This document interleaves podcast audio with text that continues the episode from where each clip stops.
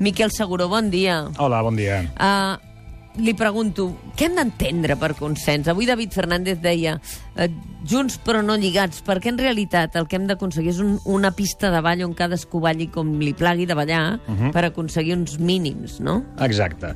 Eh, bé, en primer lloc jo crec que cal dir que el consens és una paraula que d'alguna manera no s'acaba d'entendre i hi ha, hi ha bastantes eh, ombres o bastantes eh, polisèmies al, al voltant d'ella, no? En llatí, que és l'etimologia, Sí. i els que som de lletres, això ens agrada sempre anar a les fonts, no? En llatí, eh, ens diu, el llatí ens diu que la paraula consens té dos parts, con i sensus, no? Con eh, té a veure amb una acció conjunta, amb una simultaneïtat, i sensus té a veure amb el sentit.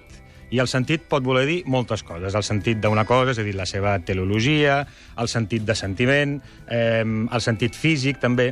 Per tant, el consens és, d'alguna manera, eh, compartir un sentit. D'aquí, entendre que el consens genera unitat és una mica més difícil, perquè la unitat, des del meu punt de vista, té una profunditat més eh, arraigada i té unes exigències més, eh, com ho podríem dir, més fortes, no? Sí. Eh, Sembla que unitat és que tothom que està assegut al voltant d'una taula tingui un bloc... és com molt més monolític. Sí, Exacte. monolític, fet, no? De fet, es pot fer un consens per la unitat o es pot fer un consens per la desunitat. Per tant, el consens vin vindria a ser una espècie de moviment on cadascú surt de la seva part per anar a parar en un lloc comú. Que avui ens deia David I això, és, Fernández... i, això és, perdó, I això és molt difícil, perquè això implica, abans que res, reconèixer que tu no pots tenir raó i que, Clar. per tant, que l'altre sí que la té, no? Podríem dir que allò que posa més difícil al consens és la convicció, curio curiosament, no? Quan tu estàs molt convençut del Ah, que penses, et costa molt transaccionar, no? Exactament, i et costa molt cedir, no? Eh, de fet, la paraula llatina convicció, insisteixo en això, no? Eh, té a veure amb la paraula eh, vincere, que és vèncer. De fet, convèncer algú és d'alguna manera guanyar-li un, un, algun tipus de batalla dialèctica o imposar-te, d'alguna manera, no? Mentre que consentir té a veure més amb un reconeixement com més plàcid, menys agonístic, per dir-ho d'alguna manera. Per tant, Miquel Seguró ens està dient eh, l'error és mm, partir de la convicció quan has d'aconseguir un consens. És millor partir de l'escolta, no? d'escoltar l'altre i saber en quin punt et pots posar d'acord, no? per la Exacte. construcció d'una cosa nova. Exacte. I, de fet, aquí també entra molt en joc el que deia Max Weber, que és un filòsof mm -hmm. eh, polític del, del 19, Sí. del 19-20, no? Eh, en la seva distinció entre l'ètica de la convicció i l'ètica de la responsabilitat. Jo puc, com a polític, tenir una convicció i, per tant, estic obligat a defensar-la perquè per això m'he presentat en, un partit, en unes eleccions, amb un programa, etc etc. però quan, des, quan, tinc uns, quan, quan he de desenvolupar un, una tasca institucional i la represento, responc d'ella. Per tant, he de tenir una ètica de la responsabilitat en aquest sentit. No? Mm. Eh, el consens es pot enfocar des de les dues bandes. Quan més convicció hi ha, menys consens hi ha. De fet, mira, un exemple molt fàcil perquè els, els, els oients ens, ens puguin entendre. Amb la Segona Guerra Mundial, Sí? tots els exèrcits es van posar d'acord per fer un consens contra un enemic comú. En el moment en què aquest enemic comença a desaparèixer i han de veure com ho gestionen, la Guerra Freda comença just quan entren a Berlín, no? Per tant, el consens, quan menys quan més extern sigui del, del, del nucli dur de les idees, més fàcil és d'aconseguir. I un altre factor que suposo que intervé en, en, en la recerca del consens és si tothom està d'acord en quin és el punt que s'està dirimint o quan apareixen factors eh, externs, com Exacte. poden ser ara la lluita pel poder, etc, que contaminen l'objectiu comú, no? I no només això, sinó que jo crec que el context actual a mi em fa pensar que realment el consens ni ha existit ni pot existir, i diré per què. Eh, perquè les cartes, en el fons, no estan sobre la taula. És a dir, eh, quan Esquerra fa, o està a favor del consens, està a favor de, del dret a decidir, com es diu, o de votar, que ara van, Sí. venia escoltant que ja estem en la fase 2, etc. no? Sí. Bueno, doncs d'alguna manera és bo que estiguem en la fase 2 perquè les cartes estan sobre la taula. És a dir, Esquerra el que vol és la independència. Convergència segurament no sabem ben bé què és el que vol, potser sí, potser no. Iniciativa jo crec que és una pregunta que li incomoda. Les CUP, obertament sí. Per tant, aquí s'estava parlant d'un consens per votar, etc, quan en el fons el que realment animava el debat entre aquestes forces és un altre objectiu. Per què no es posa sobre la taula? I aleshores, a, a partir d'aquí, es veu si realment és possible que pugui existir un consens de veritat. Clar, això és el que va fer possible la unitat política per decidir una pregunta doble, Exacte. diguem, en, on Unió Democràtica s'hi sentia còmoda i Iniciativa també s'hi sentia còmoda, que Exacte. són dues formacions que no tenen res a veure Ahà. l'una amb l'altra, però que les dues tenien un conflicte per admetre estat independent sí o no, Sí. i a partir de que estem en el pla següent, llavors ja és I ja la cosa es complica, clar, exacte. Bé, perquè legítimament cadascú té la seva opció, però també hi ha una responsabilitat social o, o aquesta ètica de la responsabilitat, no?, que s'ha de dur a terme. Hauríem de començar a parlar més de consens que d'unitat, per tant, per, per estar on hem d'estar? Jo crec que unitat és difícil, és a dir, quan més convicció hi hagi, més unitat es demana. De fet, no és no és d'estranyar, des del meu punt de vista, que ahir es demanés unitat, perquè la convicció és molt clara, de, tant d'ANC com de, com d'Òmnium, no? i la convicció és arribar a la independència. Per tant, és un objectiu molt clar, per tant, es reclama unitat, força per arribar amb, aquest, eh, amb aquesta fita. No? Quan això no és tan clar i tens en, i tens en joc diferents eh, elements, és molt més difícil de parlar d'unitat i, per tant, el que s'ha d'assumir és una espècie de consens, però també el, el consens per fer què? Perquè aquesta és una altra de les coses importants, no? que el David Fernández ho, ho deia aquest matí. Eh, el, la paraula unitat és una espècie de fetitxe, que unitat per què? Doncs, bueno, doncs el consens també. El consens per fer què? No? Uh, aquí hi ha una cosa que em balla pel cap, que és, quan dins dels actors que s'han de posar d'acord i que han d'aconseguir el consens, n'hi ha un que està en una posició diferent dels altres, Mhm. perquè és el president de la Generalitat o perquè és el president de l'escala de veïns, eh? Exacte. Vull dir, no ho sé. Uh, en aquest cas nostre, que ara estem discutint, el president al final té la responsabilitat de dir, escolta, faig això o faig allò, he d'aprovar Mhm. pressupostos, no els he aprovat, etc etc etc. Això fa encara més difícil, complica encara més les negociacions d'un consens? Jo crec que sí, perquè d'alguna manera el, el president de qualsevol institució respon institucionalment per aquella eh, institució a la qual eh, rep, representa, no? Mai, mai, mai més ben dit. Però jo crec que aquí el president Art Artur Mas també és molt hàbil, perquè juga a ser president quan li convé, i juga a ser Artur Mas quan també li, eh, li convé. Aleshores, eh, ell ha liderat el consens amb una imatge, amb una fotografia, però en el moment en què se li parla de plebiscitàries, aleshores són els partits que ho han d'ajuntar i ho han de gestionar. Per tant, aquí també hi ha un joc d'interessos eh, divers, no? Escoltem com uh, feia Oriol Junqueras, diguem, la descripció del que havia passat. El govern ha trencat el consens, ha trencat la unitat que hi havia hagut fins ara, perquè el dilluns al matí encara hi havia unitat i consens entre la CUP, Esquerra Unida Alternativa, Iniciativa, Convergència, Unió, Esquerra Republicana. I el dilluns al vespre el govern havia trencat aquest consens.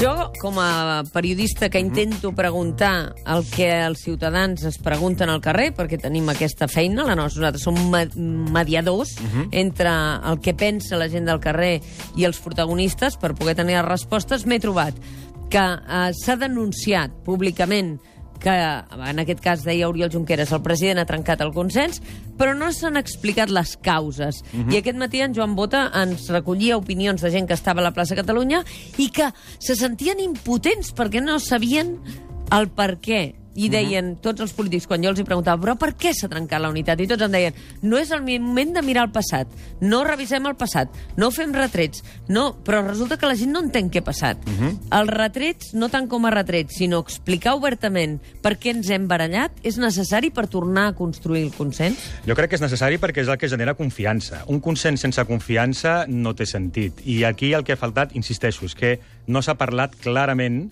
cap de les forces polítiques del que realment volien defensar en aquest consens. No? Mm. És a dir, ha estat, és un consens o és, una, és, una, és un compromís extern al seu nucli ideo, ideològic que els ha permès d'alguna manera negociar o portar el tema de manera còmoda. No?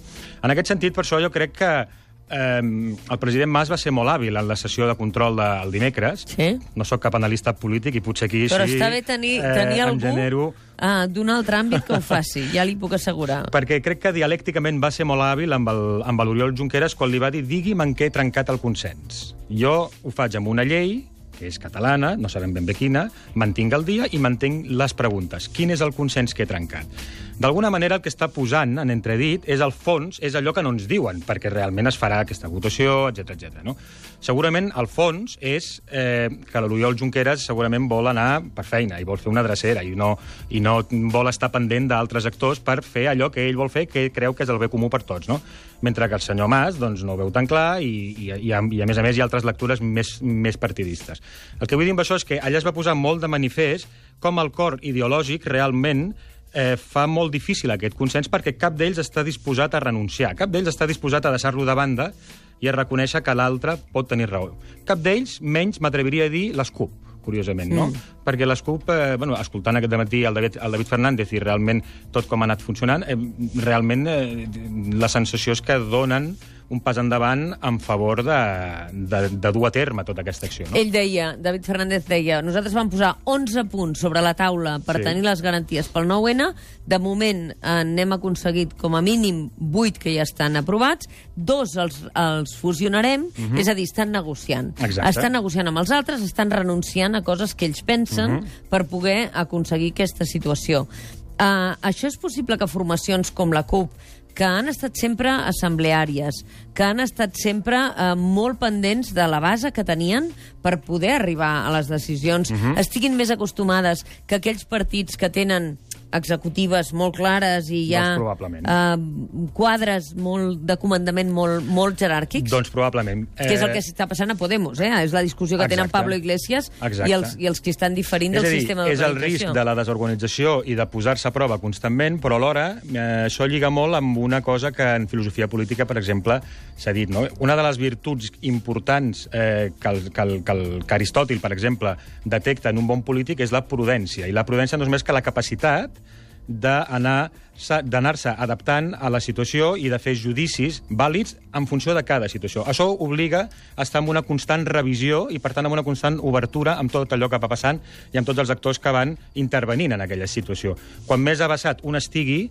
a fer això, més fàcilment eh, podrà arribar a consensos. A veure, uh, vostè va participar a la càtedra Ethos en la Sí. redacció del primer codi per polítics on es parlava de qüestions com honestedat, lleialtat, Exacte. veracitat, austeritat... Uh, es tractava de la relació polítics-demandes socials. Ahir vam veure com Òmnium Cultural i Assemblea Nacional Catalana demanaven, exigien al president, li deien, escolti, unitat, deien en els partits polítics, i vostè convoqui eleccions. Aquesta és una manera de funcionar um, gaire habitual o saludable que la societat civil que es mobilitza, sigui la societat civil catalana, l'organització que està en contra del procés, o ells um, demanin als partits el que han de fer?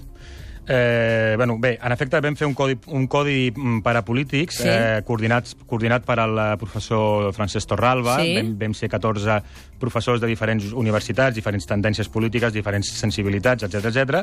i aquest codi eh, va sortir publicat en el nostre jornal. No? En aquest codi, en el primer punt del mateix, parlem est estri- estrictament de la relació entre els ciutadans eh, o la societat civil i la classe política, Sí. no? Eh, I allà ho diem ben bé, eh, ben, ben, ben a les clares. No? En el primer punt, eh, la, els partits polítics han de defensar allò que realment pregonen i allò que realment eh, porten en les, seves, en les seves llistes i alhora, en el quart punt, han de tenir en consideració els moviments socials i les demandes que els hi venen des d'aquest eh, des mm, foro, diguem-ne, pl eh, plural. Com compaginar això és bastant complicat i és bastant difícil, perquè tenim una democràcia parlamentària representativa. Mm. Per tant, quan un va, quan un va a, a votar, d'alguna manera està delegant. Eh, si constantment li estàs demanant amb, amb aquella persona que et representa que ha de fer allò que tu li dius, ja no t'estàs representant, sinó que tu l'estàs guiant amb ell, no? Ajudi'm a decodificar aquestes paraules de Pablo Iglesias de Podemos, perquè jo sola no me'n surto. El cielo no se toma por consenso, el cielo se toma por asalto. Què vol dir amb això? Doncs això, bueno, primer, crec que és una paraula, crec que és una frase que remet a, a Marx. Sí. Eh, jo crec que és un, que és un guinyo, per dir-ho Sí. d'algun- d'alguna Sí. manera. Què remet això? Jo crec que remet a un tema de, la, de legitimitat i de legalitat, i, de, i, i del bé comú. És a dir, la convicció profunda de Pablo Iglesias és que el seu bé comú, que ell entén Parteix de la seva convicció. de la seva convicció... Per tant, jo tinc la veritat i jo Ah, assalto. Eh? I em sento eh, Legitimat. legitimat exactament a trencar qualsevol eh, barrera que m'impedeixi dur a terme aquest bé comú, que jo crec que és el bé necessari per tothom, no? Però això en una democràcia participativa on tot s'ha d'acabar pactant, a no ser que tinguis majories absolutes, que seria... Aquesta frase seria aplicable a la política amb majoria absoluta que està fent el Partit Popular o que en el Per seu dia va fer el. PSOE o Convergència i Unió aquí quan les ha tingut, no? Com que jo puc assaltar, en el sentit Mhm. de decidir el que vull, no cal consens, no? Clar, però en el fons això és el que trenca la possibilitat mateixa de la convivència, no? De fet, hi ha un filòsof polític molt important, que és Habermas, eh, Sí. filòsof, sociòleg, Sí, que no hi ha manera d'entrevistar-lo. Si vostè té algun canal per fer-lo venir... Ho vam intentar sisplau. i no va haver-hi manera tampoc ni de, Perquè que, jo ni de que ens contestés el, la No, eh? carta ni el mail, no. Jo també Deu he fracassat, jo deu també he fracassat. No li agrada, no li agrada molt participar. Doncs ha escrit bastant, eh? O sigui Moltíssim, que... moltíssim. Sobre l'esfera pública, que és un Eh, concepte exacte. fonamental Ah, exacte. d'aquesta qüestió. És a dir, Exacte. realment, on hem de poder discutir els nostres afers públics amb tots, Ah, exactament. amb tots a la plaça. Doncs aquesta esfera pública es basa, entre d'altres coses, en el reconeixement d'interlocutor vàlid, diu ell. Per tant, si jo no reconec a l'altre com a interlocutor vàlid amb, qual, amb el qual jo em puc entendre, inclús discrepar, i per tant ell pot tenir raó també, no hi ha manera de generar ni cap consens ni cap convivència. Miquel Seguró, Albert Einstein és veritat que deia que una vetllada en la que tothom està d'acord és una vetllada perduda? Doncs, això? doncs no ho sé, però seria molt maco que ho hagués, que ho hagués Que ho dit hagués perquè té dit. tota la raó del món. Per tant, que ningú es desanimi, no? Que ningú Miquel? es desanimi. Que No. ningú es desanimi. No, això és molt divertit. Anirem analitzant tot el que vagi passant i un altre dia segur que li demanarem que torni per ajudar-nos a fer-li entendre a la gent com n'és de complexa això que estem vivint ara i que Perfecte. ningú es desesperi. Exacte. Moltes perfecte. gràcies, Moltes Miquel. gràcies a Fins vostès. una altra. Adéu, bon dia.